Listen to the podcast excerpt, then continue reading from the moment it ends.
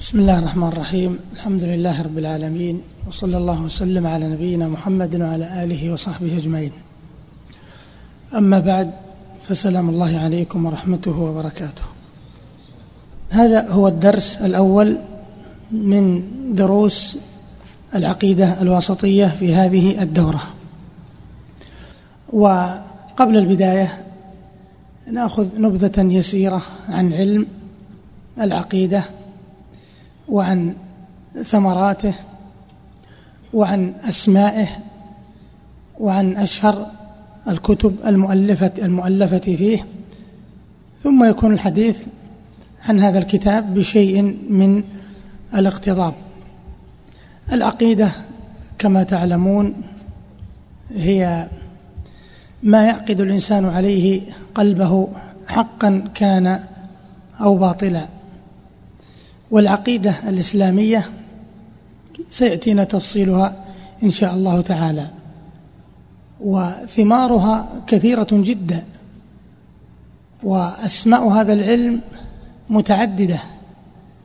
ومن أسمائه علم التوحيد. ومن الكتب المؤلفة في هذا الباب كتاب التوحيد للإمام ابن خزيمة رحمه الله. وكتاب التوحيد للإمام محمد بن عبد الوهاب رحمه الله وأيضا كتاب التوحيد من صحيح البخاري رحمه الله.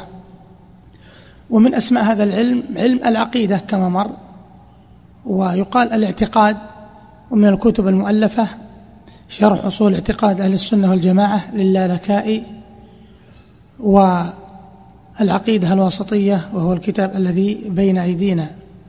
ومن أسمائه السنة والكتب المؤلفة في ذلك كثيرة كالسنة للإمام أحمد والسنة لعبد الله بن الإمام أحمد والسنة لابن أبي زمنين والسنة للأثرم والسنة للعسال إلى غير ذلك من الكتب. ومن أسمائه أيضا الشريعة قد يسمى هذا العلم بالشريعة. ومن ذلك كتاب الشريعة للإمام الآجري وهذا الكتاب مؤلف في الاعتقاد. وليس في الأحكام. وأيضا يسمى الفقه الأكبر ومنه كتاب الفقه الأكبر المنسوب للإمام أبي حنيفة رحمه الله. هذا العلم علم شريف وشرف العلم بشرف موضوعه. فإذا كان علم الطب أهم من علم النجارة لأن الطب يبحث في الإنسان والنجارة في الخشب والإنسان أشرف من الخشب فكيف إذا كان العلم بالله تبارك وتعالى؟ أيضا من ما يدل على أهميته كونه أول واجب على المكلف. فأول واجب على المكلف أن يشهد أن لا إله إلا الله وهو آخر واجب عليه. من كان آخر كلامه من الدنيا لا إله إلا الله دخل الجنة. أيضا هو دعوة جميع الرسل كل واحد منهم يقول اعبدوا الله ما لكم من إله غيره وهو سبب العزة وسبب السعادة والسبب الأعظم لدخول الجنة والنجاة من النار وهو سبب الأمن والاهتداء الذين آمنوا ولم يلبسوا إيمانهم بظلم أولئك لهم الأمن وهم مهتدون. والعقيدة أو موضوعات هذا الكتاب تدور حول مجمل اعتقاد أهل السنة والجماعة وإن كانت أكثر ما تدور حول الأسماء والصفات لأن الخلل وقع في عصر شيخ الإسلام وكان أكثر الخلل في ذلك الوقت في باب الأسماء والصفات. والعلم بالأسماء والصفات علم جليل. يكفي أنه علم بالله تبارك وتعالى والعلم بالله هو الطريق الأقوم إلى معرفته وعبادته حق العبادة. وكذلك هو يورث محبة الله وخشيته ويورث كذلك تزكية النفوس وإقامتها على النهج السوي ويورث الانزجار عن المعاصي من جراء العلم بأن الله سميع أن الله بصير. وأن الله رقيب. وهذا العلم أيضا يفتح للإنسان أبواب الرجاء إذا علم أن الله هو التواب وهو الرحيم. وثمراته بالجملة كثيرة جدا. هذا الكتاب لشيخ الإسلام ابن تيمية رحمه الله ابن تيمية. وتعرفون شيخ الإسلام ولا داعي للحديث عن سيرته فهو أشهر من أن يذكر. وهذا الكتاب ألفه كما يقول رحمه الله يقول قدم علي من أرض واسط بعض قضاة نواحيها. يبين سبب هذه الرسالة. شيخ يقال له رضي الدين الواسطي من أصحاب الشافعي. قدم إلينا حاجا وكان من أهل الخير والدين وشكى ما الناس فيه بتلك البلاد. وفي دولة التتر من غلبة الجهل والظلم ودروس الدين فاستعفيت فألح علي يعني استعفى من إجابته. وقلت له قد كتب الناس عقائد متعددة فخذ بعض عقائد أئمة السنة. فألح علي قال ما أحب إلا عقيدة تكتبها أنت.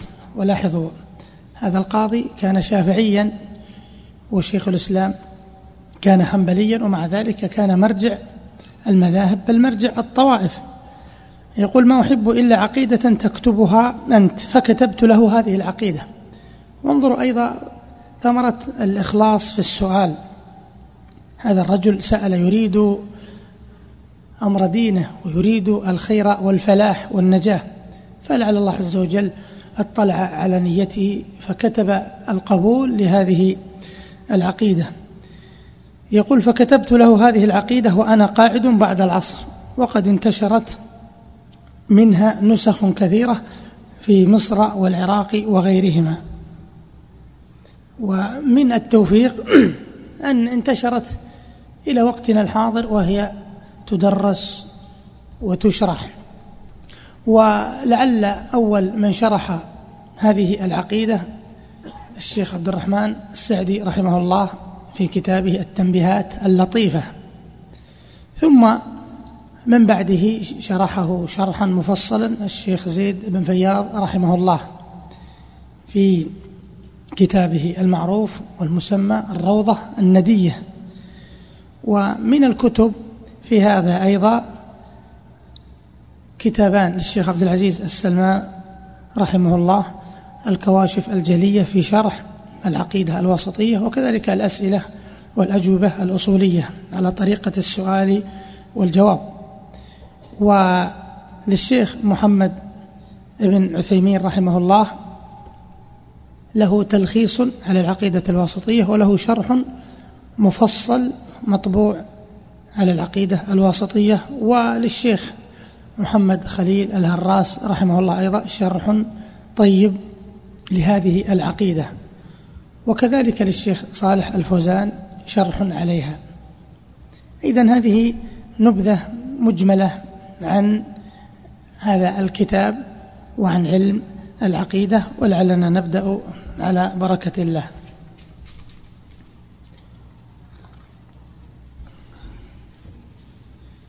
بسم الله الرحمن الرحيم. الحمد لله رب العالمين. والصلاة والسلام على أشرف خلق الله أجمعين. نبينا محمد عليه وعلى آله وصحبه أفضل الصلاة وأتم التسليم. قال المؤلف رحمنا الله وإياه الحمد لله الذي أرسل رسوله بالهدى ودين الحق ليظهره على الدين كله وكفى بالله شهيدا. وأشهد أن لا إله إلا الله وحده لا شريك له إقرارا به وتوحيدا. وأشهد أن محمدا عبده ورسوله صلى الله عليه وعلى آله وصحبه وسلم تسليما مزيدا. أما بعد فهذا نعم بعد أن حمد بعد أن سمى الله تبارك وتعالى وحمده عز وجل قال أما بعد ينتقل إلى تفصيل هذه العقيدة وهذه الكلمة أما بعد كما يقول العلماء هي حرف شرط وتفصيل غالبا وتوكيد دائما. إذا هي حرف شرط لأنها تعلق شيئا بشيء. أما بعد فكذا وكذا. إذن هي من من أدوات الشرط. وأيضا تفصيل كما في قوله تعالى فأما اليتيم فلا تقهر وأما السائل فلا تنهر وأما بنعمة ربك فحدث. إذن من هذا الباب صارت حرف إيش؟ تفصيل. وأيضا تستعمل للتوكيد كما يقول النحاة أما زيد فمنطلق. قالوا آكد من أن تقول زيد منطلق أن تقول أما زيد فمنطلق. إذن هي حرف شرط وتوكيد وتفصيل وربما بعضهم يزيد يقول وانتقال أن تفيد الانتقال من أسلوب إلى أسلوب. وإذا أتيت بها لابد لها من الفاء في جواب الشرط. أما بعد فهذا ما تقول أما بعد هذا لابد لها من الفاء لابد لها من الرابط. وقد تحذف قد يحذف. تحذف هي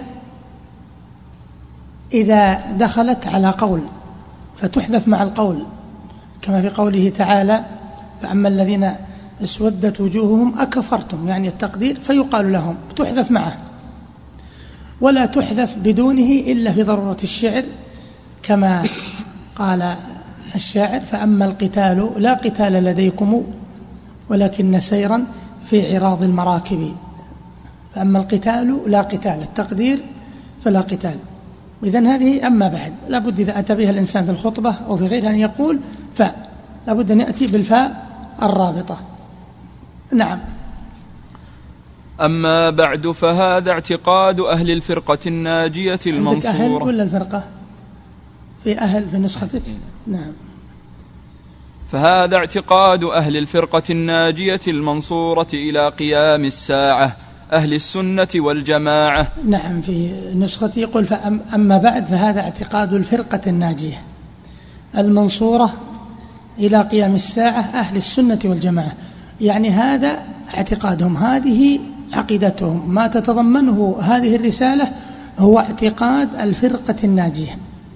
المنصورة ثم ذكر اسمين من أسمائهم وهو الناجية والمنصورة. الناجية لأنها نجت وسلمت من الشرور والهلاك في الدنيا والآخرة وحصلت لها السعادة والمنصورة يعني المؤيدة على من خالفها بتأييد الله تبارك وتعالى. وهذان وصفان واسمان من أوصاف أهل السنة والجماعة. قال الفرقة الناجية والطائفة المنصورة ويقال أهل السنة ويقال أهل السنة والجماعة ويقال الجماعة ويقال أهل الجماعة ويقال أهل الحديث ويقال السلف أو أتباع السلف. هذه من أسماء أهل السنة والجماعة. ثم قال إلى قيام الساعة أهل السنة والجماعة.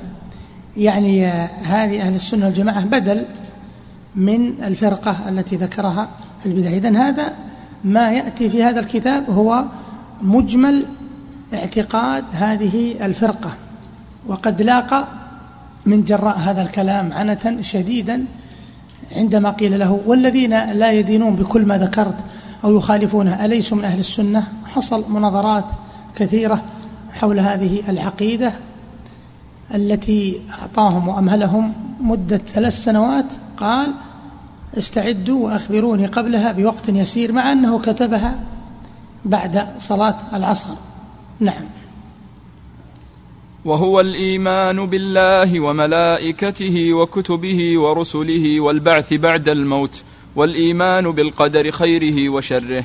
هنا ذكر مجمل العقيدة ثم فصلها وهذا من أنفع ما يكون في تقرير المسائل والعلم. قال وهو الإيمان بالله. ذكر أركان الإيمان. وهي أصول العقيدة وأسس العقيدة. هذه أسسها. وهو الإيمان بالله. اعتقادها اعتقاد الفرقة الناجية. قال وهو الإيمان بالله. ذكر هذه الأركان الستة الإيمان بالله كما تعلمون الإيمان بالله يتضمن الإيمان بوجوده والإيمان بربوبيته والإيمان بألوهيته والإيمان بأسمائه وصفاته. هذا هو الإيمان بالله تبارك وتعالى على وجه الإجمال. وملائكته الإيمان بالملائكة يتضمن الإيمان بوجودهم والإيمان بما علمنا اسمه منهم باسمه وما لم نعلمه نؤمن به إجمالا. نؤمن مثلا بأن هناك ملكا اسمه جبريل أو جبرائيل وميكائيل. والذي لا نعلمه نؤمن بأن لله ملائكة لا يحصيهم إلا هو ولا يلزمنا أن نعرف أسماءهم. وكذلك الإيمان بما علمنا من صفاتهم.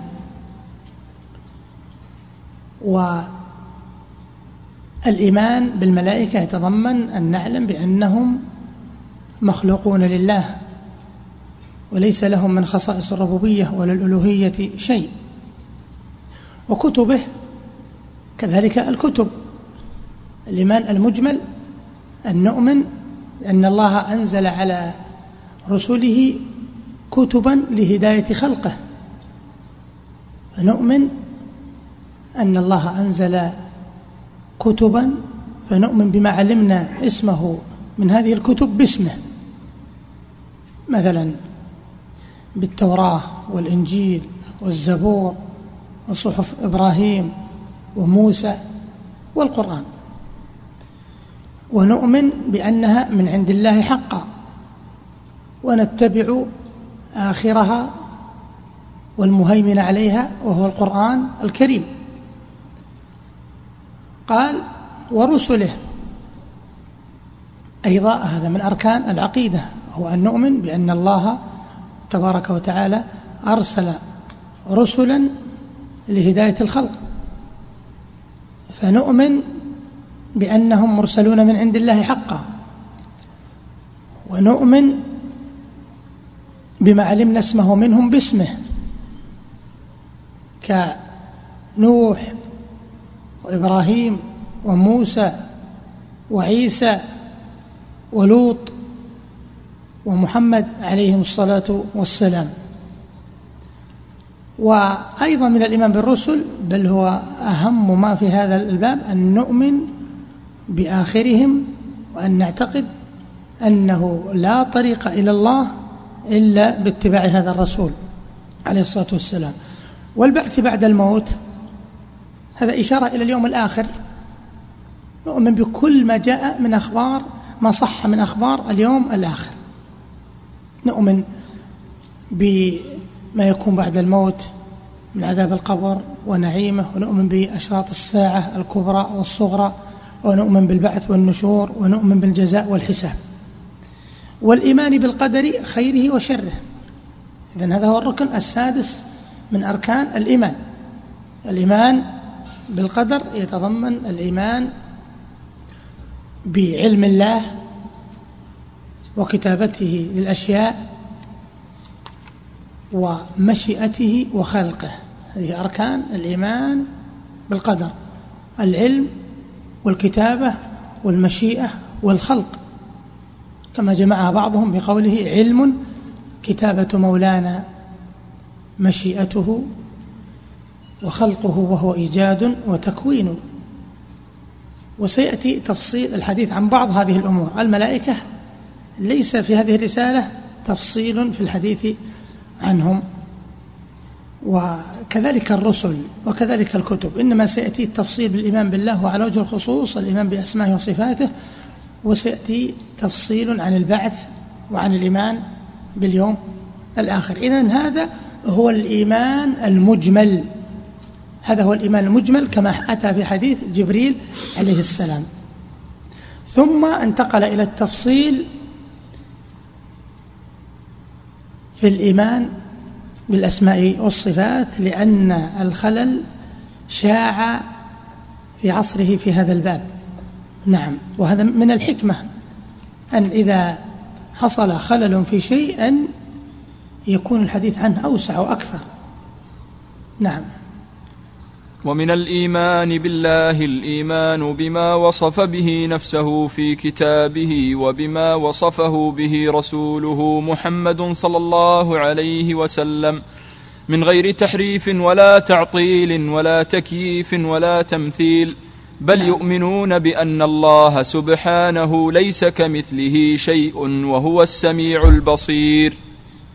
نعم. ومن الإيمان بالله. إذا مما يدخل بالإيمان بالله الإيمان بما وصف به نفسه في كتابه ووصفه به رسوله محمد صلى الله عليه وسلم. أن الله عز وجل يقول قل أنتم أعلم أم الله؟ الله تبارك وتعالى سمى نفسه ووصف ذاته المقدسة بأسماء وصفات هو أعلم بها. إذا نؤمن بما سمى الله به نفسه ووصف به نفسه من غير تحريف والتحريف هو إمالة الشيء عن وجهه تقول حرفت الدابة. كما قال تعالى يحرفون الكلمة عن مواضعه يحرفون الكلمة من بعد مواضعه. إذا هذا هو التحريف. أهل السنة يؤمنون بأسماء الله وصفاته من غير تحريف وهذا هو التحريف. والتحريف نوعان لفظي وهو أيضا على قسمين. قسم لا يغير المعنى.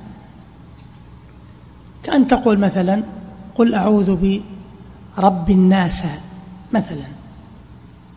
هذا تحريف لفظي لكنه لا يغير المعنى وغالبا لا يصدر إلا من جاهل. وقسم يغير المعنى كما في قوله تعالى وكلم الله موسى تكليما. إذا قرأ بعضهم وكلم الله الله لو كلم الله وكلم الله موسى تكليما. يكون موسى هو المكلم وهذا يريدون به نفي صفة الكلام عن الله تبارك وتعالى. إذا هذا يحرف تحريف لفظي يغير المعنى. والقسم الثاني التحريف المعنوي مثل تحريف صفة مثلا آه، الرحمة إلى إرادة الإنعام أو صفة اليد إلى النعمة. هذا تحريف معنوي. إذا أهل السنة يؤمنون بما وصف الله به نفسه ووصفه به رسوله صلى الله عليه وسلم من غير تحريف. ثم قال ولا تعطيل.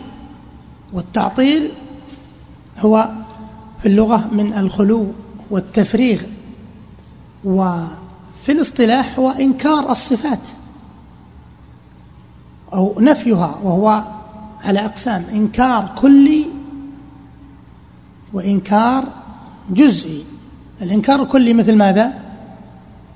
مثل إنكار الجهمية ينكرون الأسماء والصفات. وإنكار جزئي مثل إنكار من؟ لا قبلهم. المعتزلة ينكرون الصفات. نعم يؤمنون بالأسماء وينكرون الصفات. لأنهم يقولون لا تقوم الصفات إلا بجسم والجسم ممتنع. طيب و هناك أيضا إنكار جزئي مثل إنكار الأشاعرة لبعض الصفات. إذا هذا هو التعطيل هو النفي. والفرق بين التعطيل والتحريف واضح. التحريف ما هو؟ إيش؟ نعم هو إيش؟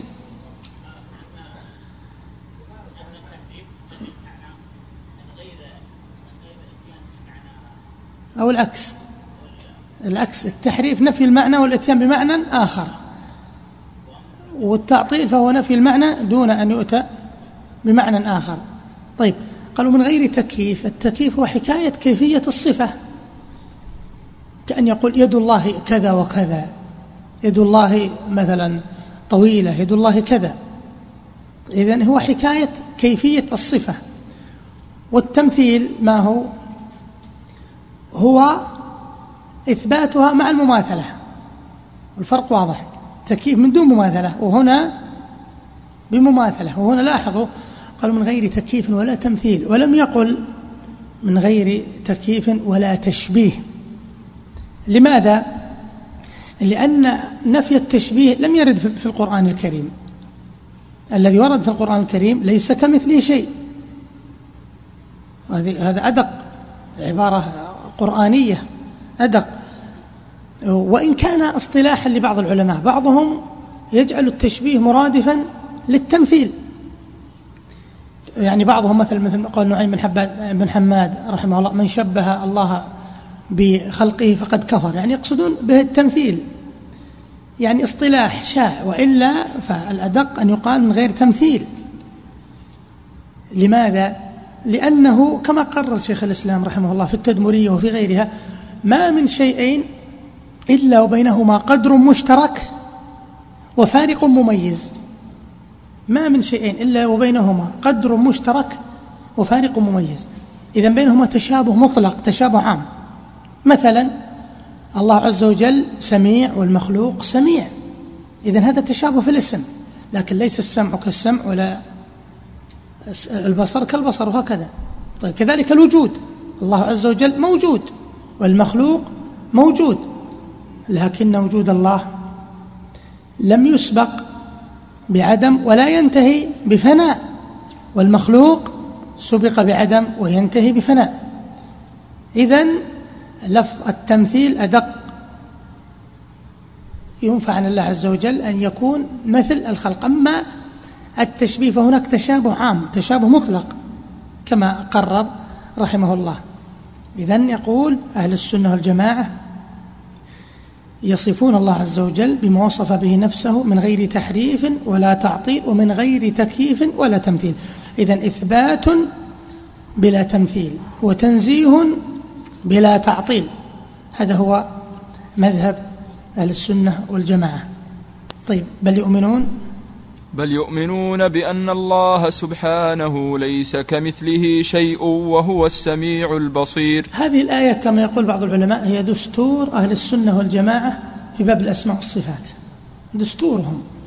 ليس كمثله شيء وهو السميع البصير. نعم فلا ينفون. فلا ينفون عنه ما وصف به نفسه ولا يحرفون الكلم عن مواضعه. نعم هذا شرح للكلام السابق.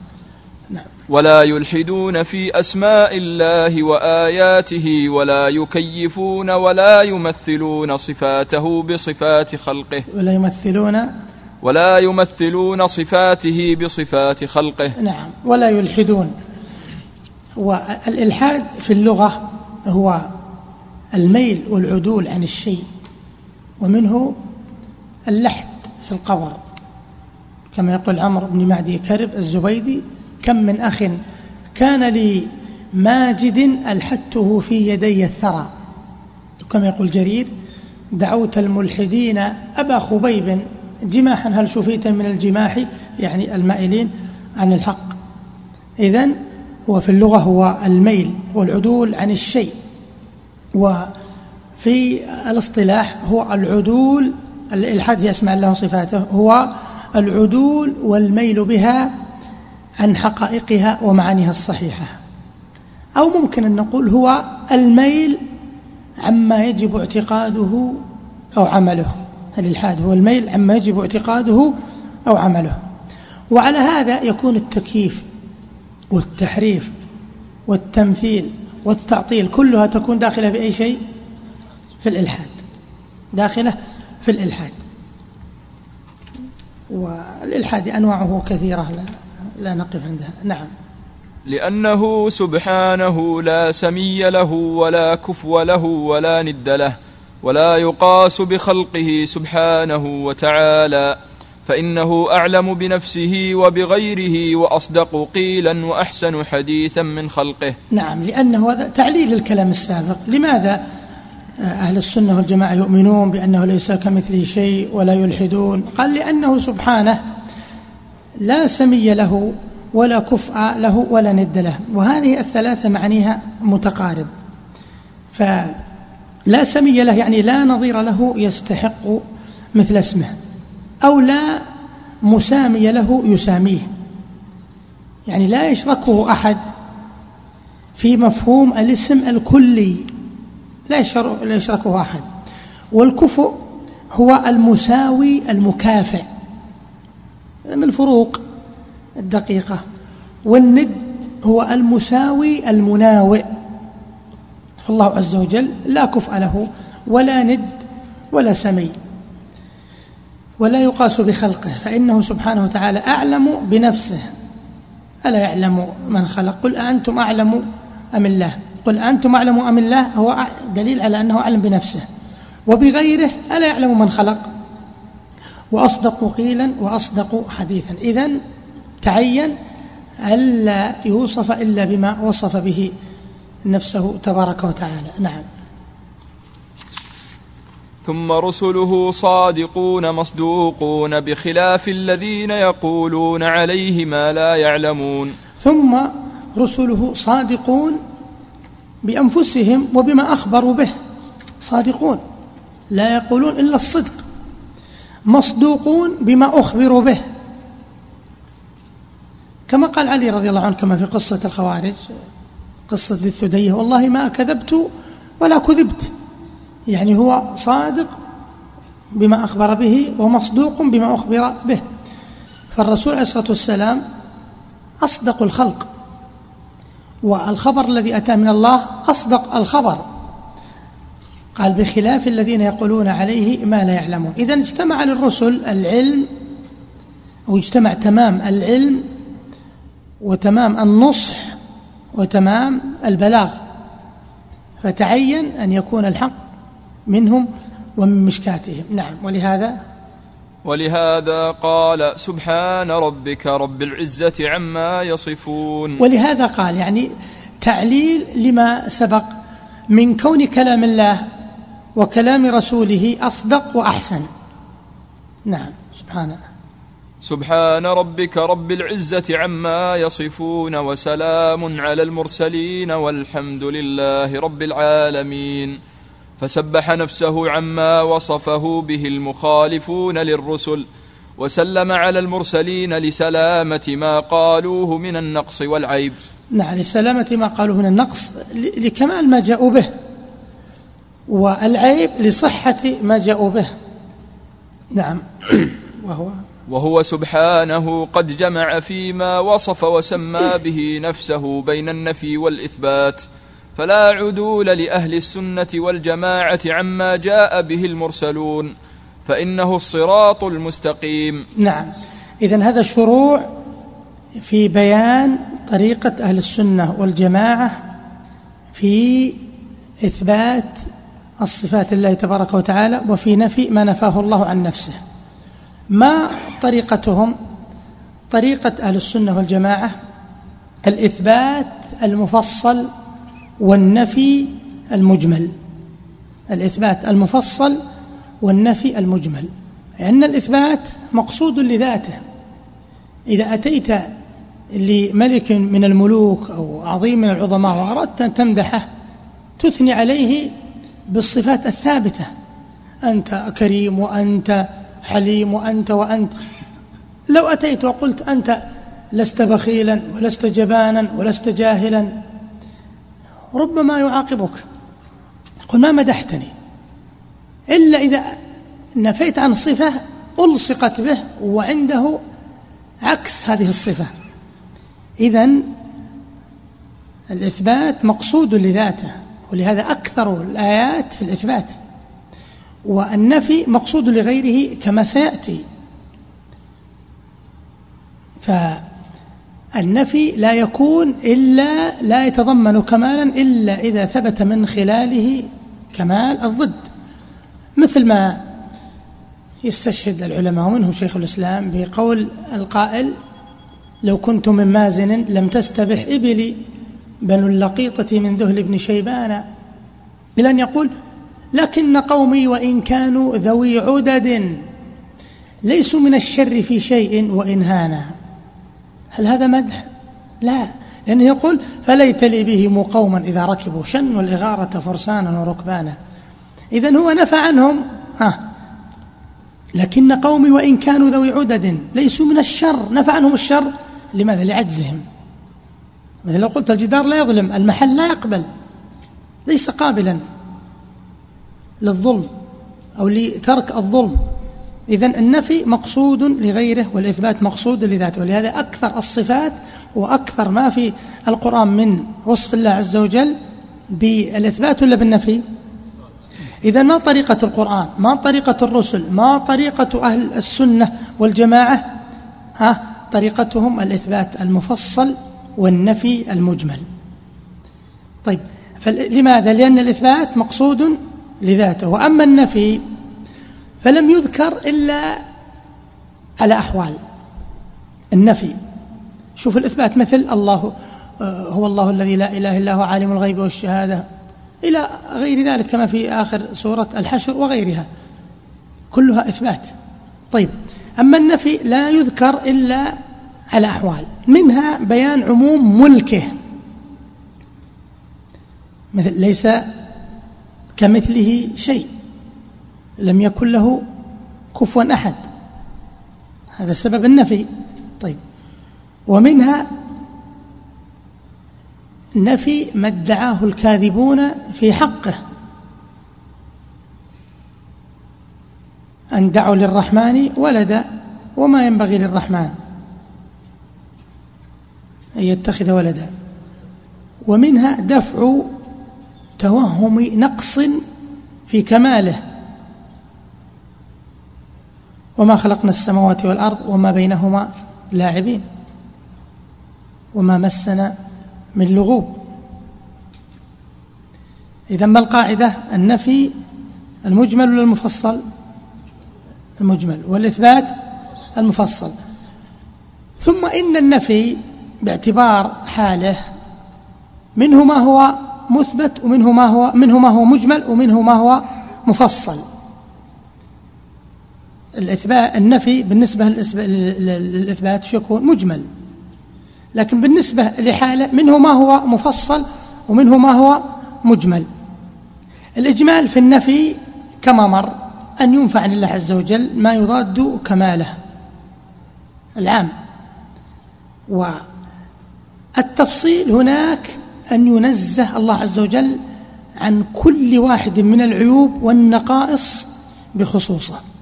هذا نفي مفصل. يأتينا أمثلة إن شاء الله. التفصيل في النفي أن ينزه الله عز وجل عن كل واحد من العيوب والنقائص بخصوصه. فينزه مثلا عن أي شيء؟ عن البخل. عن النوم. السنة الولد الصاحبة. هذا شو سمى نفي؟ مفصل ولا مجمل؟ مفصل. طيب. ولم يكن له كفوا أحد نفي مفصل ولا مجمل؟ هل تعلم له سمية مفصل أو مجمل؟ إيه. إذن النفي باعتبار باعتباره مع آه الإثبات هل هو مفصل أو مجمل؟ مجمل. لكن باعتبار ذاته منه ما هو مفصل ومنه ما هو مجمل. طيب. نعم. قال فإنه الصراط المستقيم. يعني هذه الطريقة هي الصراط المستقيم. والله عز وجل يقول أن هذا صراطي مستقيما فاتبعوه. نعم. صراط الذين أنعم عليهم من النبيين والصديقين والشهداء والصالحين. وقد نعم. دخل في الآن يستدلك نعم وقد دخل نعم. وقد دخل في هذه جملة ما وصف به نفسه في سورة الإخلاص التي تعدل ثلث القرآن حيث يقول نعم يعني وقد دخل في هذه الجملة. يعني إيش معنى هذا الكلام؟ وقد دخل في هذه الجملة. يعني ها أه، فيما ها فيما جمع الله ما وصف وسمى به نفسه من النفي والإثبات. دخل في هذه الجملة. نعم. نطبق عليها القواعد الماضية. نعم. حيث يقول حيث يقول قل هو الله أحد الله الصمد لم يلد ولم يولد ولم يكن له كفوا أحد. طيب. أين الإثبات وأين النفي المجمل والمفصل في هذه السورة؟ هي سورة عظيمة. نعم. قل هو الله أحد. نعم. أول شيء من أول آية نعم. الله. ها وأحد. هذا أوش يكون هذا؟ إثبات. طيب. الله الصمد. إثبات. طيب. لم يلد. نفي مجمل ولا مفصل؟ وش نفي عنها إيش؟ الولد. لا لم يلد. طيب. ولم يولد. نفي مجمل ولا مفصل؟ وش أداة النفي هنا؟ لم. طيب. ولم يكن له كفوا أحد. نفي ولا إثبات؟ نفي. طيب. نفي مفصل أو مجمل؟ أي لاحظتوا كيف هذه هذه طريقة الكتاب والسنة وطريقة المرسلين. لو نعيد. قل هو الله أحد. من يعطيناها؟ بإجمال. نعم. نريد الإثبات المفصل. ونريد النفي المفصل والنفي المجمل من خلال هذه السورة. نعم. قل هو الله أحد الله الله وأحد. وأحد. الله الصمد. والله الصمد. هذا إيش؟ إثبات؟ مفصل. مفصل طيب. آه والنفي لم يلد ولم النفي آه. لم يلد نفي مفصل ولم يولد نفي مفصل ولم يكن له كفوا أحد نفي مجمل. طيب. نعم. وما وصف به نفسه في أعظم آية في كتابه حيث يقول هذه معطوفة. قوله ما وصف به نفسه معطوف على قوله وقد دخل في هذه الجملة ما وصف الله به نفسه في سورة الإخلاص. كذلك وما وصف به نفسه في أعظم آية في كتابه يقصد بها آية الكرسي حيث يقول. نعم نريد أن نطبق الآن هذه القواعد على آية الكرسي. نعم. حيث يقول الله لا إله إلا هو الحي القيوم لا تأخذه سنة ولا نوم له ما في السماوات وما في الأرض. من ذا الذي يشفع عنده إلا بإذنه يعلم ما بين أيديهم وما خلفهم ولا يحيطون بشيء من علمه إلا بما شاء. وسع كرسيه السماوات والأرض ولا يؤوده أي لا يكرثه ولا يثقله حفظهما وهو العلي العظيم. نطبق. ما يلا نعطيكم جوائز عليه نعم تفضل. الله إثبات. نعم. لا إله نفي. نعم طيب. لا إله إلا هو هذه جملة واحدة. نفي طيب. الحي القيوم إثبات. طيب مفصل لأن الحي ترجع إليه الصفات الذاتية والقيوم ترجع إليه الصفات الفعلية. نعم. لا تأخذه سنة ولا نوم. نفي مفصل ومجمل وش نفى؟ السنة ما هي؟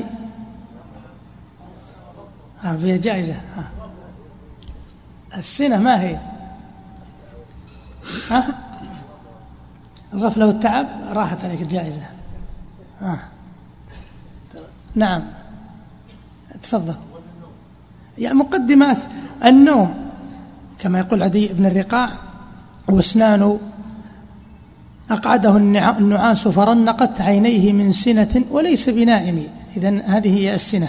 طيب لا تأخذه سنة ولا نوم. هذا نفي مفصل ومجمل. مفصل نفى السنة بعينها ونفى النوم. طيب له ما في السماوات وما في الأرض؟ إثبات. طيب إثبات مفصل. من ذا الذي يشفع عنده إلا بإذنه؟ ها إثبات ولا نفي هذا؟ نفي؟ ما وين أداة النفي؟ من ذا الذي يشفع؟ من من من أدوات النفي؟ وش يسمى السياق هذا؟ من ذا الذي يشفع عنده؟ استفهام وش معناه؟ وش التقدير يعني وش معناه؟ لا أحد. إذا ما في جائزة لأن ضاعت الجواب بينكم. طيب من ذا الذي يشفع؟ يعني لا أحد. إذا وش يكون هذا؟ نفي ولا إثبات؟ نفي. طيب إلا ب... يعلم ما بين أيديهم وما خلفهم. ها. إثبات. مفصل. طيب ولا يحيطون بشيء من علمه. نفي. طيب. إلا بما شاء وسع كرسيه آه وسع كرسيه السماوات والأرض. إثبات. ولا يؤوده حفظهما. نفي. نعم. خلاص انتهت ولا باقي شيء في الآية. وهو العلي العظيم. انظروا كيف تنطبق هذه القواعد تماما مع آيات القرآن. نعم. طيب. ولهذا كان من قرأ هذه الآية في ليلة لم يزل عليه من الله حافظ ولا يقربه شيطان حتى يصبح. نعم كما في صحيح مسلم من حديث أبي. نعم عندما قال النبي صلى الله عليه وسلم أي آية في كتاب الله أعظم؟ قال الله ورسوله أعلم. فرددها مرارا قال أبي آية كرسي. فقال النبي عليه الصلاة والسلام ليهنك العلم أبا المنذر. وسبب كونها أعظم آية لماذا؟ لما اشتملت عليه من إثبات أسماء الله وصفاته وتنزيهه عما لا يليق به سبحانه وتعالى. والآية فيها كثير من العلم فيها كثير من الفوائد. حتى بعض العلماء استخرج منها ما يزيد على أربعين فائدة في خصوص باب الأسماء والصفات لكن المقام لا يسمح بالإطالة. والمقصود هو ذكر الشاهد ومحل المطلوب من القواعد السابقة. نعم. وقوله سبحانه هو الأول والآخر والظاهر والباطن وهو بكل شيء عليم. نعم. إذن هذا أيضا إثبات بعض الأسماء والصفات لأن كل اسم يتضمن صفة. هو الأول. هنا إثبات إيش؟ صفة الأولية والأزلية. لله تبارك وتعالى. والآخر إثبات اسم الآخر وإثبات صفة أيضا الآخرية وإثبات بقائه وأبديته. والظاهر ها إثبات صفة الظاهرية وهي علوه وعظمته. والباطن إثبات إيش؟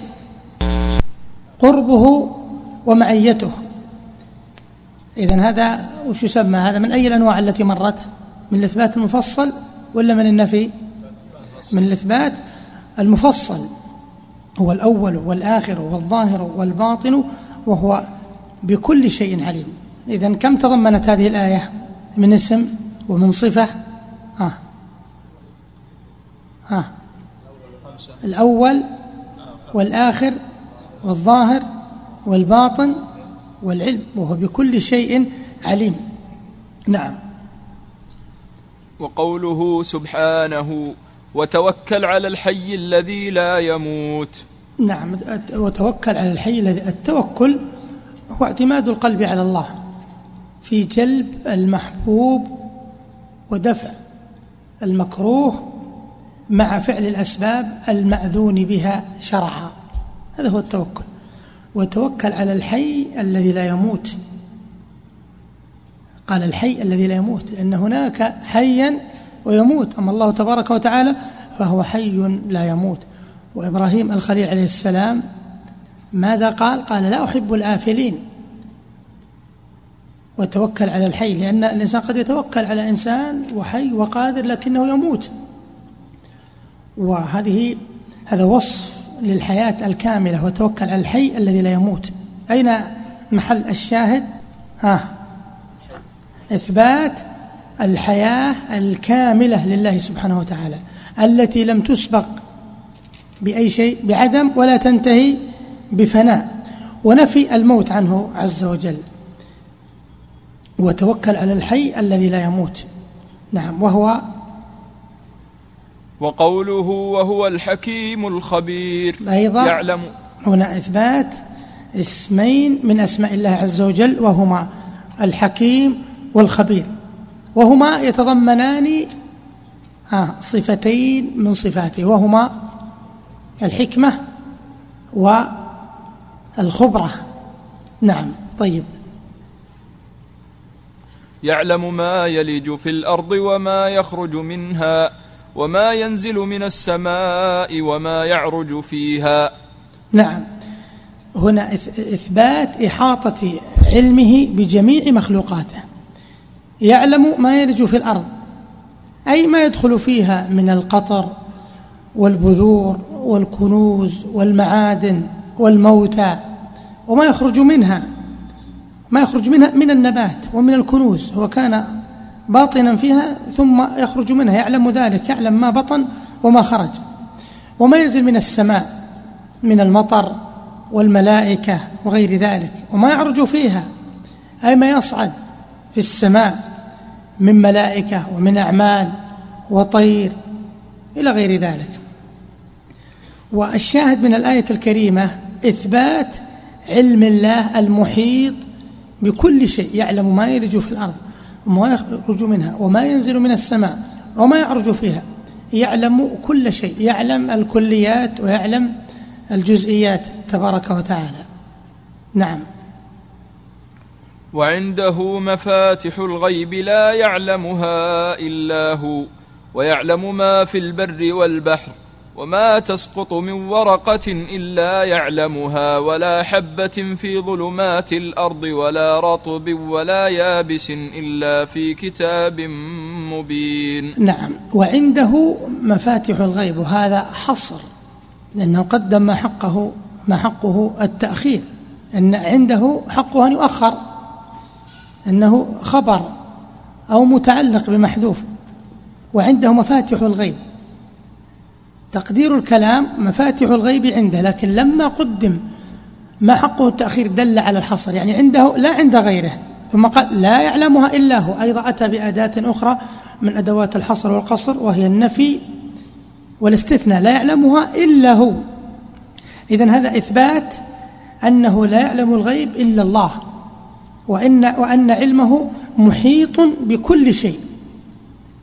وفيها أيضا إثبات القدر والكتابة باللوح المحفوظ وفيها أيضا رد على الفلاسفة الذين يقولون إن الله يعلم الكليات ولا يعلم الجزئيات. إن قال ولا رطب ولا يابس آه وما تسقط من ورقة. وهنا من تفيد التنصيص على العموم من ورقة. إلا يعلمها ولا حبة في ظلمات الأرض ولا رطب ولا يابس إلا في كتاب مبين. والكتاب المبين هو اللوح المحفوظ. نعم. وقوله وما تحمل من أنثى ولا تضع إلا بعلمه. هذا نفس الشيء أيضا. نعم. وقوله لتعلموا أن الله على كل شيء قدير وأن الله قد أحاط بكل شيء علما. نعم هذه فيها إثبات إيش؟ إثبات اسم من أسماء الله وهو آه القدير. وفيها أيضا إثبات صفة القدرة. والقدرة هي وصف يتصف به الفاعل ويتمكن به من الفعل بدون إيش؟ بدون عجز. أحسنت. نعم. وقوله إن الله هو الرزاق ذو القوة المتين. نعم.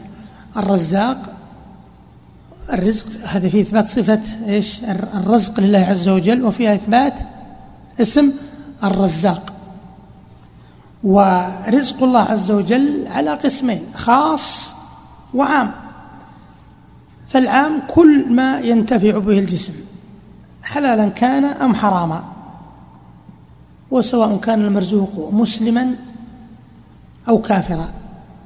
لأننا لو قلنا إن الرزق هو العطاء الحلال فحسب.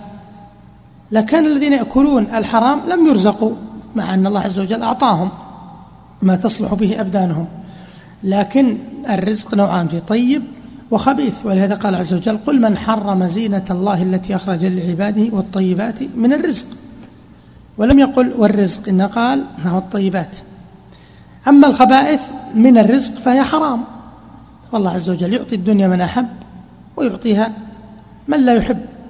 إذا هذا هو الرزق, الرزق العام ما تقوم به الأبدان حلالا كان أو حراما. أما الخاص فهو العلم النافع والعمل الصالح والرزق المطلق الذي يستمر نفعه في الدنيا والآخرة. ولهذا من دعاء المؤمنين ربنا آتنا في الدنيا حسنة وفي الآخرة حسنة. طيب إذا هنا فيه إثبات اسم الرزاق وكل هذا الرزاق من إيش؟ من أي أنواع الصفات اللي مر من أي أنواع آه، الإثبات ولا النفي الإثبات. إن الله هو الرزاق ذو القوة. القوة ما هي؟ القوة صفة يتمكن بها الفاعل من الفعل بدون إيش؟ بدون ضعف. القدرة بدون عجز. والقوة بدون بدون ضعف. هو الرزاق ذو القوة المتين. قال ابن عباس في المتين قال هو الشديد في قوته الشديد في عزته الشديد في جبروته. إذا هذه الآية فيها إثبات اسمه الرزاق وهذا الاسم يتضمن صفة الرزق ووصفه بالقوة التامة. وفيها أيضا الاستدلال على وجوب عبادته وحده لا شريك له. نعم طيب. وقوله ليس كمثله شيء وهو السميع البصير. نعم. وقوله إن الله نعم ما يعظكم به إن الله كان سميعا بصيرا. في هذا المقطع إثبات السمع والبصر لله تبارك وتعالى. وهنا أتى بهذه الآيات وسيأتي في موطن آخر في تكرار السمع والبصر. ولعله أراد بهذا المقطع إثبات صفة السمع عن طريق الاسم السميع وكذلك صفة البصر في الاسم البصير. كما قال إن الله كان سميعا بصيرا. والثانية يأتي بالتصريح بالصفة كما ستأتي في آية أخرى إنني معكما أسمع وأرى أو بالفعل من خلال الفعل لأن الصفة تعرف إما عن طريق الاسم مثل ها إن الله كان سميعا بصيرا وتعرف عن التصريح بالصفة وربك الغفور ذو الرحمة الرحمة وتؤخذ من الفعل يرحم من يشاء. إذا الصفة تؤخذ من الاسم أو من التصريح بالصفة أو من الفعل. طيب. ليس كمثله شيء. نقف بس وقفة يسيرة عند قوله ليس كمثله شيء. الأقوال التي قيلت في الكاف لأن الكلام فيها طويل. ليس كمثله شيء. قيل الكاف هنا صلة زيدت للتأكيد. زيدت للتأكيد. واستدلوا بقول القائل ليس كمثل الفتى زهير خلق يوازيه في الفضائل. نعم. وقيل معناها ليس مثل مثله شيء. ليس مثل مثله شيء. ويلزم من ذلك نفي المثل. يلزم من ذلك نفي المثل. وقيل إن مثل هي معناها الوصف مثل مثل الجنة التي وعد المتقون يعني وصفها. يعني ليس كوصفه شيء. وقيل إن مثل بمعنى الذات ليس كذاته شيء. مثل إذا قيل لك مثلك لا يفعل يعني أنت لا تفعل. هذا يعني خلاصة مختصرة لما قيل في ليس كمثله شيء. نعم. وقوله ولولا إذ دخلت جنتك قلت ما شاء الله لا قوة إلا بالله. وقوله ولو شاء الله ما اقتتلوا ولكن الله يفعل ما يريد. وقوله احلت لكم بهيمه الانعام الا ما يتلى عليكم غير محل الصيد وأنتم حرم ان الله يحكم ما يريد. في هذه الآيات إثبات المشيئة والإرادة لله تبارك وتعالى. ولولا إذ دخلت جنتك قلت ما شاء الله. هنا إثبات المشيئة. وهنا ما ما نوعها؟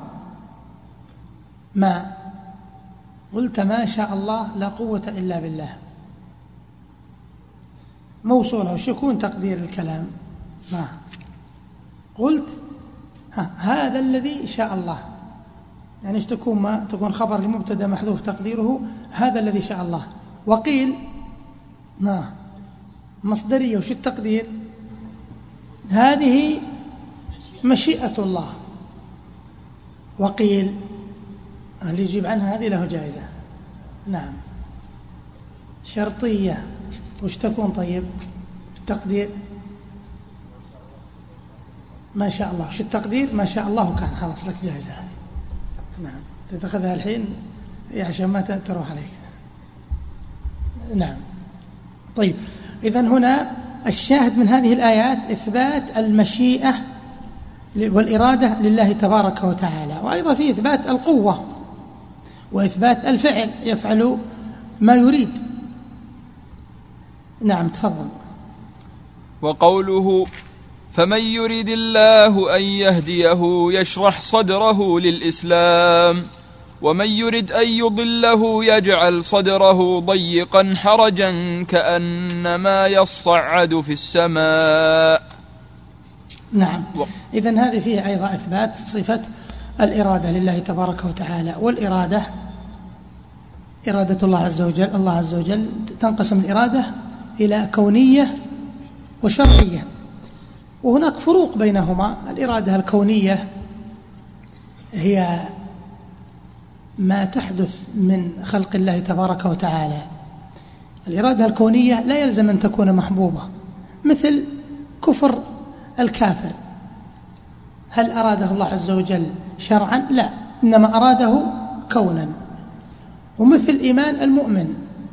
المؤمن تجتمع فيه الإرادتان الكونية والشرعية. كونية من جهة أنها وقعت كونا أن آمن هذا المؤمن. وشرعية من جهة أنها محبوبة لله تبارك وتعالى. إذا من الفروق؟ خلاصة يعني هذا الحديث. الفروق أن الإرادة الكونية قد يحبها الله وقد لا يحبها. مثل ماذا؟ آه الله. مثل صلاة الصلاة مثلا. إذا صلى الإنسان هي وقعت كونا. إذا تسمى كونية من هذا الباب. وكونها محبوبة لله عز وجل هي شرعية دينية من هذا الباب. طيب. أيضا التي لا يحبها. لا غيرها يعني من أفعال العباد. مثل شرب الخمر على سبيل المثال. كونها وقعت في هذا الكون إيش تسمى؟ كونية. وكونها محرمة ومبغوضة لله. هل تسمى شرعية؟ لا. إذا الكونية لا يلزم أن يحبها الله عز وجل. الإرادة الكونية لا بد من وقوعها. إذا أراد الله إحياء أحد أو إماتته فإنه لا بد أن يقع. طيب. الشرعية هل يلزم أن تقع؟ آه لا يلزم لأنه لو لو كان يلزم أن تقع لآمن من في الأرض كلهم جميعا. يعني هذا من الفروق وسيأتينا إن شاء الله الحديث عنها عند الحديث عن القدر. الشاهد هنا إثبات الإرادة لله تبارك وتعالى. من أي أنواع الإرادة؟ فمن يريد الله أن يهديه يشرح صدره الإسلام. شرعية ولا كونية؟ كونية. آه. كونية وشرعية. لا. كونية. فمن يريد فصل. هل الله عز وجل ألا يريد الله عز وجل شرعا أن يؤمن الناس؟ هنا فمن يريد الله أن يهديه ويشرح صدره ومن يريد أن يضله يجعل صدره ضيقا حرجا. إذا لما حصل التفصيل علمنا علمنا أنها إرادة إيش؟ كونية. طيب من يمثل لنا بالإرادة الشرعية؟ ما. الله يريد أن يتوب عليكم ويريد الذين يتبعون الشهوات أن تميلوا ميلا عظيما. إذا هذه إيش تكون؟ شرعية لأن الله أحبها ورضيها وشرعها. طيب. آه من يمثلنا بالإرادة الكونية؟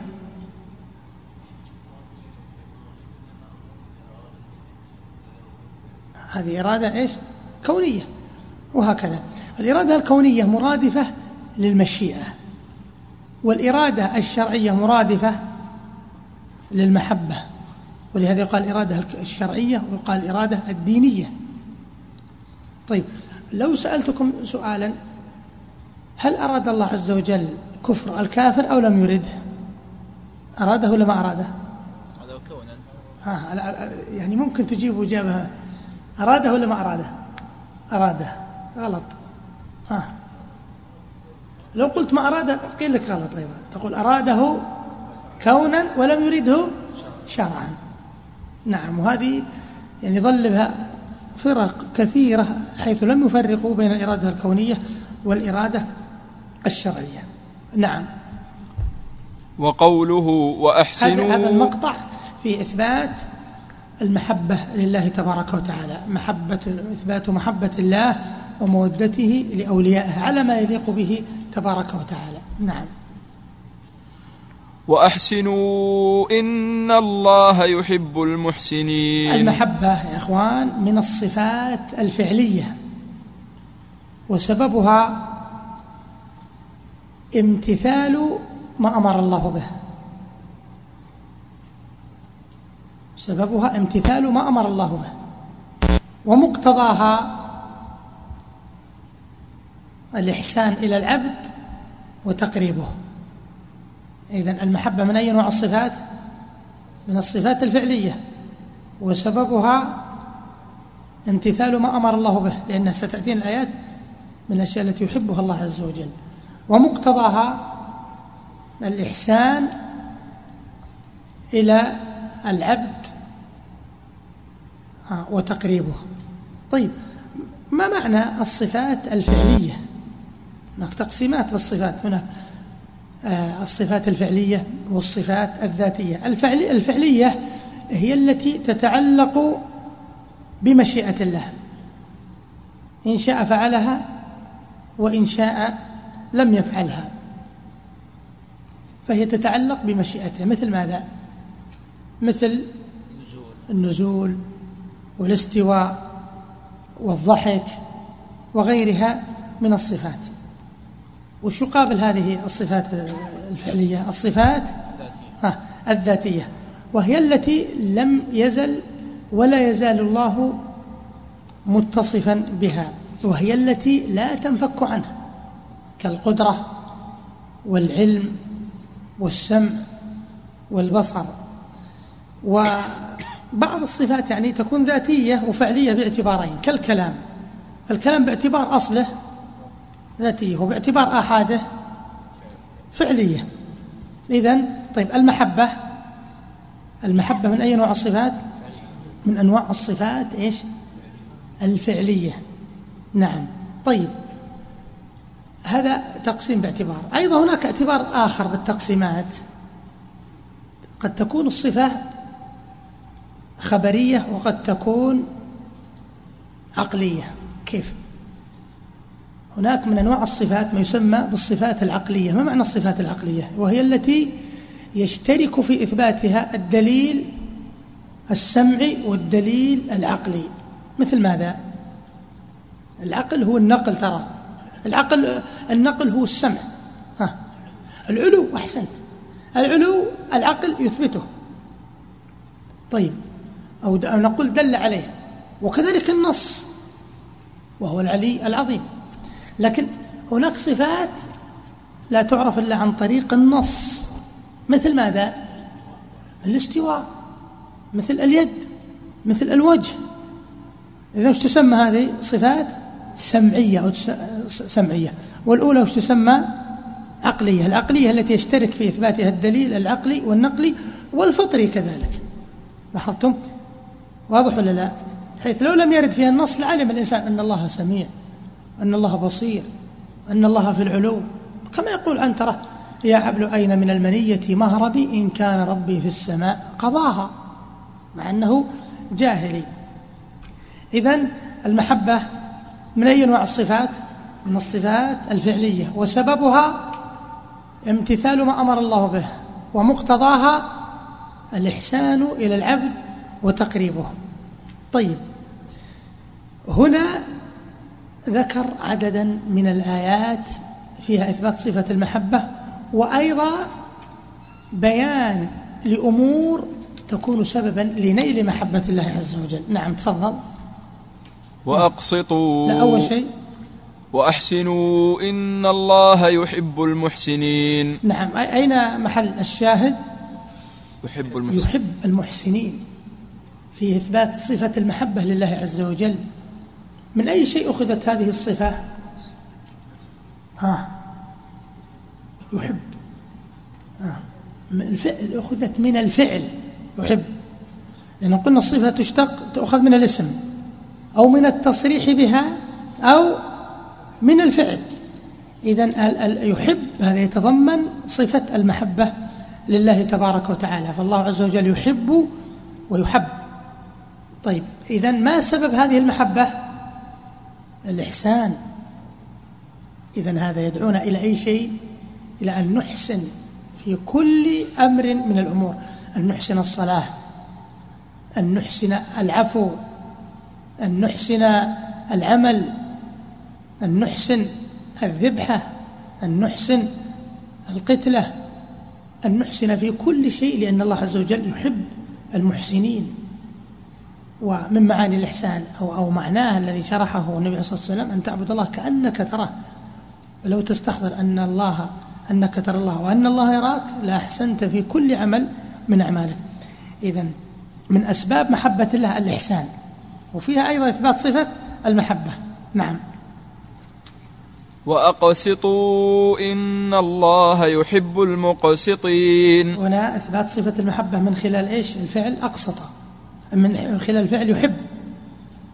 وفيه سبب من أسباب محبة الله وهو الإقساط. الإقساط وهو إيش؟ العدل. الله عز وجل يحب المقسطين ولا يحب القاسطين؟ ما الفرق بين القاسط بين أقسط وقسط وش معنى قسط؟ ظلم شوف الهمزة هذه سلبتها المعنى عكست المعنى. وش الفعل؟ أقسط ما مضارعه؟ ما اسم الفاعل ما هو؟ لأقسط مقسط. قاسطون فكانوا جهنم حطبا نعم. إذا الإقساط والعدل في الحكم محبوب لله تبارك وتعالى. طيب نعم. فما استقاموا لكم فاستقيموا لهم. إن الله يحب المتقين. ما معنى ما هذه الآية قد تشكل على بعض الناس؟ فما استقاموا لكم فاستقيموا لهم. بعض الناس يقول إذا ما استقاموا نستقيم. يظن أن ما نافية. ها وش تكون ما هنا؟ شرطية. وش تكون؟ شرطية يعني فما استقاموا لكم يعني كما قال تعالى وما يفعلوا من خير فلن يكفروه. إذا هنا شرطية. يعني مدة استقامتهم لكم استقيموا لهم. وهنا أتى بالفاء الرابطة. فما استقاموا لكم؟ فاستقيموا إن الله يحب المتقين. لأن الاستقامة من خصال التقوى. والتقوى محبوبة لله عز وجل. فيها إثبات صفة المحبة لله عز وجل. كما أمر. نعم. إن الله. إن الله يحب التوابين ويحب المتطهرين. نفس الشيء. وفيها بعض الصفات المحبوبة لله وهي التوبة والتطهر. نعم. وقوله قل إن كنتم تحبون الله فاتبعوني يحببكم الله. هذه فيها أيضا إثبات صفة المحبة مأخوذة من الفعل تحب يحب يحببكم الله. وفيها أيضا خصلة من خصال الخصال المحبوبة لله وهي الاتباع للنبي عليه الصلاة والسلام. نعم.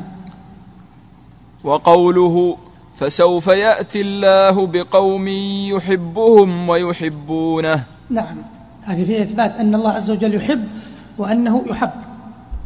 نعم. وقوله إن الله يحب الذين يقاتلون في سبيله صفا كأنهم بنيان مرصوص. إذن هذه خصلة من خصال من الخصال التي يحبها الله وهي سبب لنيل محبة الله وهي الجهاد في سبيل الله عز وجل. نعم. وقوله؟ وقوله وهو الغفور الودود. نعم. من وين أخذت هذه صفة المحبة لله عز وجل؟ الودود. نعم ما معنى الودود؟ ها المحب المحبوب. المحب المحبوب. الودود هو الذي يحب ويحب. طيب أقسام المحبة يعني باختصار شديد. المحبة الكلام فيها طويل جدا لهذا أطال فيها ابن القيم في مدارج السالكين. هناك محبة تأله وتعبد. تصرف لمن هذه؟ لله عز وجل. وصرفها لغيره شرك. نعم. وهناك محبة إجلال كمحبة الولد لوالده والتلميذ لشيخه. هذه فيها شيء هذه؟ لا هذه من المحاب الطبيعية. وهناك محبة عطف ورحمة كمحبة الوالد لولده. هذه لا شيء فيها. داخلة في دائرة المباح. إن أعانت على طاعة دخلت فيها وإن أعانت على معصية دخلت فيها وإن أعانت وإن لم تعن على هذا ولا هذا فهي في دائرة المباح. إذن يعني هذه أنواع المحبة لكن المحبة الشركية كما قال تعالى ومن الناس من يتخذ من دون الله أندادا يحبونهم كحب الله. هذه هي المحبة الشركية إذا زاحمت محبة الله كما توجد عند كثير من الشعراء ممن افتتنوا بالعشق كما يقول أحدهم لا تدعني إلا بي عبدها. فإنه أشرف أسمائي. كما قال الآخر أصلي فأبكي في الصلاة لذكرها لي الويل مما يكتب الملكان. هذا آخر إذا الباب هذا بحر لا ساحل له وكثير منهم يتجاوز الحد وما وجد العشق كما يقول ابن عقيل إلا لأرعن بطال. نعم. أكمل. وقوله بسم الله الرحمن الرحيم رب هنا إثبات اتصافه بالرحمة والمغفرة. هذه الآيات في بيان اتصاف الله عز وجل بالرحمة والمغفرة. وأتى بقوله تعالى بسم الله الرحمن الرحيم نعم. ربنا وسعت كل شيء رحمة وعلما. من أين أخذت هذه الصفة بسم الله الرحمن الرحيم من الاسم الرحمن والاسم الرحيم. ربنا وسعت كل شيء رحمة وعلما من أي شيء؟ ها. تصريح بالصفة. وسعت كل شيء رحمة وعلما. نعم. وكان بالمؤمنين رحيما. من الاسم الرحيم. نعم. ورحمتي وسعت كل شيء. من أي شيء؟ من التصريح بالصفة. الرحمة رحم يرحم رحمة. نعم. كتب ربكم على نفسه الرحمة. ولاحظوا الأولى ربنا وسعت كل شيء رحمة وعلما. هنا منونة لم تضف مجردة من ال والإضافة. ورحمتي وسعت كل شيء أضيفت إلى الله عز وجل. رحمتي. كتب ربكم عن نفسه الرحمة. هنا مقترنة بأل. انظروا دقته رحمه الله حيث يسوق هذه الآيات. ويقصد منها التنويع في الاستشهاد. نعم. وهو الغفور الرحيم. نعم إثبات صفة الرحمة من خلال الاسم الرحيم. وكذلك إثبات صفة المغفرة. نعم. فالله خير حافظا وهو أرحم الراحمين. نعم. وقوله رضي الله عنهم ورضوا عنه. هنا إثبات صفة الرضا لله تبارك وتعالى. والرضا صفة من صفات الله الفعلية. الرضا صفة من صفات الله الفعلية. مقتضاها محبة المرضي عنه. مقتضاها محبة المرضي عنه. والإحسان إليه رضي الله عنهم ورضوا عنه. هنا أثبات صفة الرضا لله تبارك وتعالى. طيب. وقوله ومن يقتل مؤمنا متعمدا فجزاؤه جهنم خالدا فيها وغضب الله عليه ولعنه. وقول نعم. هنا إثبات صفة الغضب لله تبارك وتعالى والغضب صفة من صفات الله الفعلية مقتضاها كراهة المغضوب عليه والانتقام منه وقريب منه السخط والكراهة والمقت كما سيأتي. نعم. وقوله ذلك بأنهم اتبعوا ما أسخط الله وكرهوا رضوانه. نعم إذا هذا إثبات صفة السخط لله تبارك وتعالى. طيب. فلما آسفونا انتقمنا منهم. نعم. هنا إثبات صفة الأسف لله عز وجل. والأسف له معنيان. من معانيه الغضب وهذا جائز على الله عز وجل. ومن معانيه ها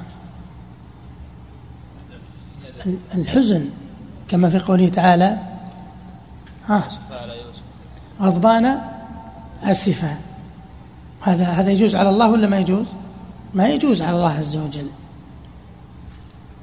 طيب إذا فيها إثبات صفة الغضب لله تبارك وتعالى. نعم. وقوله ولكن كره الله بعاثهم فثبطهم. هذا فيه إثبات صفة إيش؟ كراهة الكراهة لله تبارك وتعالى وهو من الصفات الفعلية مقتضاها إبعاد المكروه ومعاداته. نعم. وقوله كبر مقتا عند الله أن تقولوا ما لا تفعلون. نعم. أيضا المقت هو أشد الغضب. والمقت قريب. المقت هو أشد البغض. المقت هو أشد البغض. والبغض قريب من الكراهة. هذا فيها إثبات صفة المقت لله تبارك وتعالى. طيب الآن نقف عند المجيء.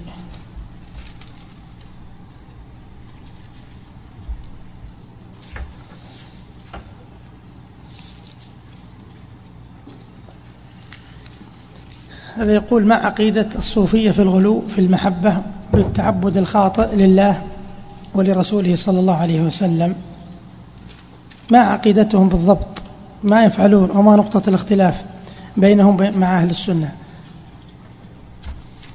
الكلام في الصوفية يطول لكن في المحبة هم يفرطون في المحبة يفرطون في محبة النبي عليه الصلاة والسلام ويغلون بها وقد تصل إلى درجة العبادة. وكذلك في محبة الله عز وجل حيث إن هذه المحبة قادتهم أو قادت بعضهم إلى ترك العمل. ولهذا السلف يقولون من عبد الله بالحب وحده فهو زنديق. ولماذا؟ لأن غاية هذه الطريقة الغرور والأماني الباطلة. ومن عبد الله بالرجاء وحده فهو مرجئ. ومن عبد الله بالخوف وحده فهو حروري. يعني نسبة إلى حروراء وهي موطن الخوارج الأصلي. ومن عبد الله بالخوف والرج والحب والرجاء فهو مؤمن موحد. ولهذا هم يعني من أقوالهم نحبك لا خوفا من نارك ولا رغبة في جنتك وإنما حبا لذاتك كما تقول رابعة ينسب عنها. أحبك حبين حب الهوى وحبا لأنك أهل لذاك فأما الذي أنت أهل له فشغلي بذكرك عمن سواك وأما الذي هو حب الهوى فكشفك للحجب حتى أراك. هنا الضلال المحبة تقتضي إيش؟ تقتضي العمل. وتقتضي الاتباع وليست مجرد دعاوى.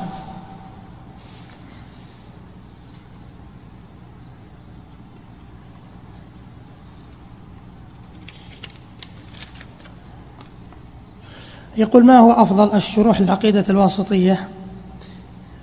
كما مر يعني من الشروح المختصرة شرح الشيخ الهراس رحمه الله ومن الشروح المطولة شرح الشيخ زيد بن فياض.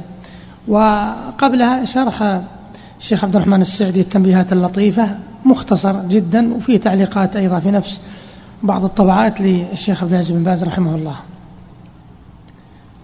ما هو تعريف الإثبات المفصل والنفي المجمل والتكييف والتمثيل والتشبيه؟ درسنا هذا اليوم هذا نعيده عادنا يقول إنني طالب علم مبتدئ هل مطلوب حفظ متن الواسطية وفهمه؟ أيهما ذو فائدة على طالب العلم؟ الحفظ والفهم كلاهما مطلوبان. ما هو تعريف الصفات العقلية؟ الصفات العقلية التي يشترك في إثباتها الدليل العقلي والسمعي. السمعي إذا قيل السمع أو النقل مقصود به الأدلة النصوص والفطري كذلك. مر بعض الأمثلة مثل صفة العلو. صفة العلو من الصفات العقلية. لماذا؟ لأن الأدلة عليها بالآلاف. أدلة فطرية. إنسان ما قال يا رب إلا وجد في قلبه رغبة في العلو. وكذلك الإنسان بفطرته وبعقله يعلم بأن الله في العلو في السماء. لماذا؟ لأن العلو صفة كمال. والسفل صفة نقص والله متصف بالكمال منزه عن النقص. إذا العقل يثبت هذه الصفة ومن هنا سميت عقلية. ولأنها وردت بالنص أيضا وردت النصوص كثيرة يخافون ربهم من فوقهم.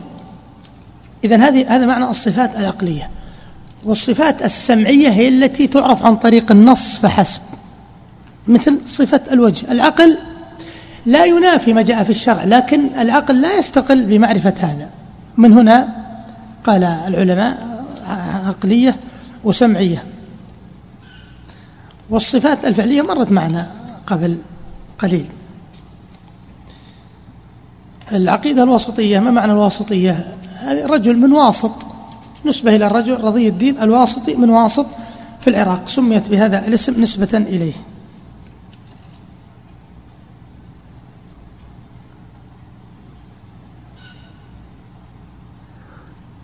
قولهم إن الله واجب في ذاته ما تفسيرها؟ ما تفسيرها؟ يقولون الوجود إما واجب الوجود أو ممكن الوجود. من تعريفات أهل الكلام. واجب الوجود هو الله تبارك وتعالى وممكن الوجود هو المخلوق لأن المخلوق مفتقر لغيره. نعم.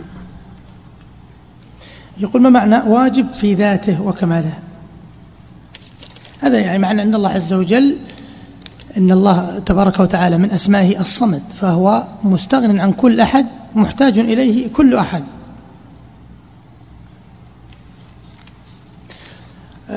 على يمرد على من يقول إن معنى المحبة إرادة الإحسان هذا تأويل هذا تفسير باللازم. وما المقصود من هذه الدروس والسير بالكتاب وإلا لو كان فيه يعني ردود لطال المقام. هل صحيح من يقول أن الله يعرف بالعقل؟ من الأدلة على وحدانية الله العقل. أهل الجاهلية يعرفون الله عز وجل وأشعارهم مليئة بذلك. كما يقول زيد بن عمرو بن نفيل وأسلمت وجهي لمن أسلمت له الأرض تحمل صخرا ثقالا دحاها فلما استوت شدها جميعا وأرسى عليها الجبال وأسلمت وجهي لمن أسلمت له المزن تحمل عذبا زلالا. إذا هي سيقت إلى بلدة أطاعت فصبت عليها سجالا.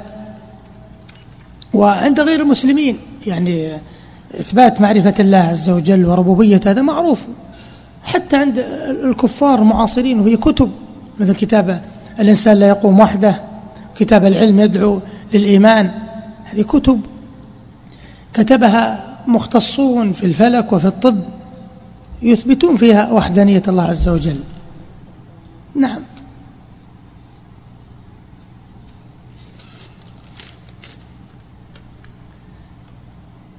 يقول كيف يستشعر المؤمن العقيدة ويعمل بها؟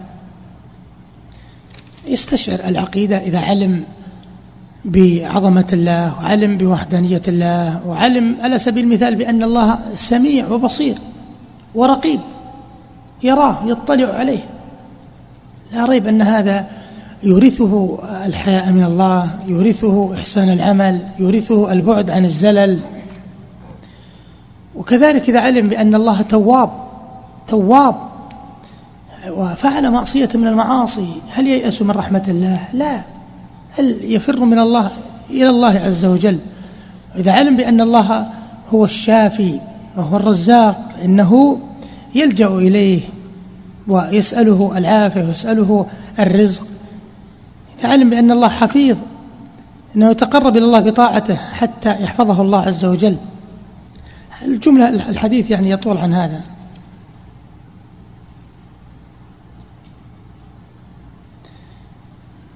هل من أسماء الله الستار؟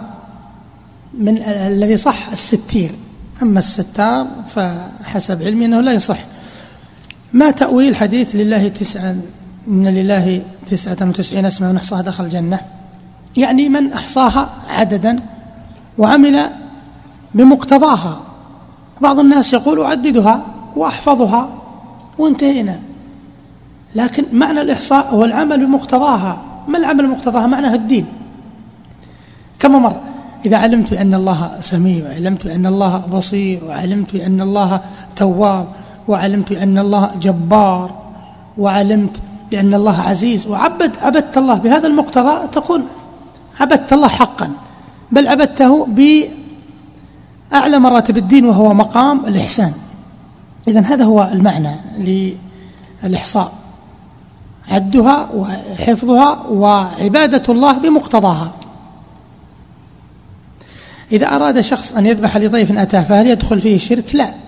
إنه أراد إكرامه أن يطعمه من أطايب اللحم من من رأسه ومن كبده ومن غيرها. هذا ما أراد التعظيم لكن التعظيم هي التي تذبح لبعض العظماء ثم تنحر على الطريق. تترك له تعظيما له. هنا هنا التعظيم. أما هذا المقصود به الإكرام لكن قد يصل أحيانا إلى الإسراف والإسراف محرم وليس شركا. ما قول توكلت على الله ثم عليك ما حكمه؟ سئل الشيخ محمد مريم رحمة الله عليه وقال آه يقال توكلت على الله وحده. قال هذا هو الأولى. لكن لو يقال مثلا توكلت على الله مثلا وفوضتك في كذا التوكل غير التوكيل. التوكيل هو التفويض تقول وكلت فلان على كذا. فرق بين وكلت وتوكلت.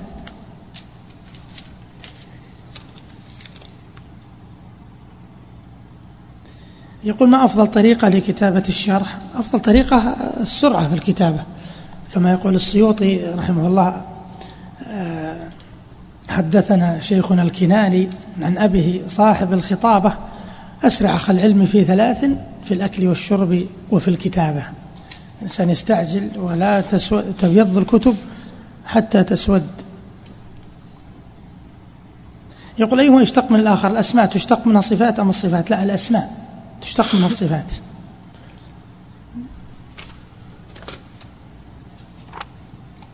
ونود الإشارة إلى تأويل المعطلة ومعتزلة وأمثالهم لكل صفة. أخشى من الشيخ بس يقول أطلتم علينا ولا آه، التفصيل جاهز يعني. نريد أن تنتهي هذه الدورة يعني بسرعة. ما رأيك في شرح الشيخ محمد بن عثيمين على الواسطية؟ هل هي مناسبة لنا؟ ما مثلي ما يسأل عن الشيخ وعن شرحه شرحه قد يكون أفضل الشروح. ومن أراد الإطالة فالشرح المطول أو له تلخيص صغير جدا بحجم اليد اسمه تلخيص يعني الوسطية فيه تعليقات يسيرة. وصلى الله وسلم على نبينا محمد.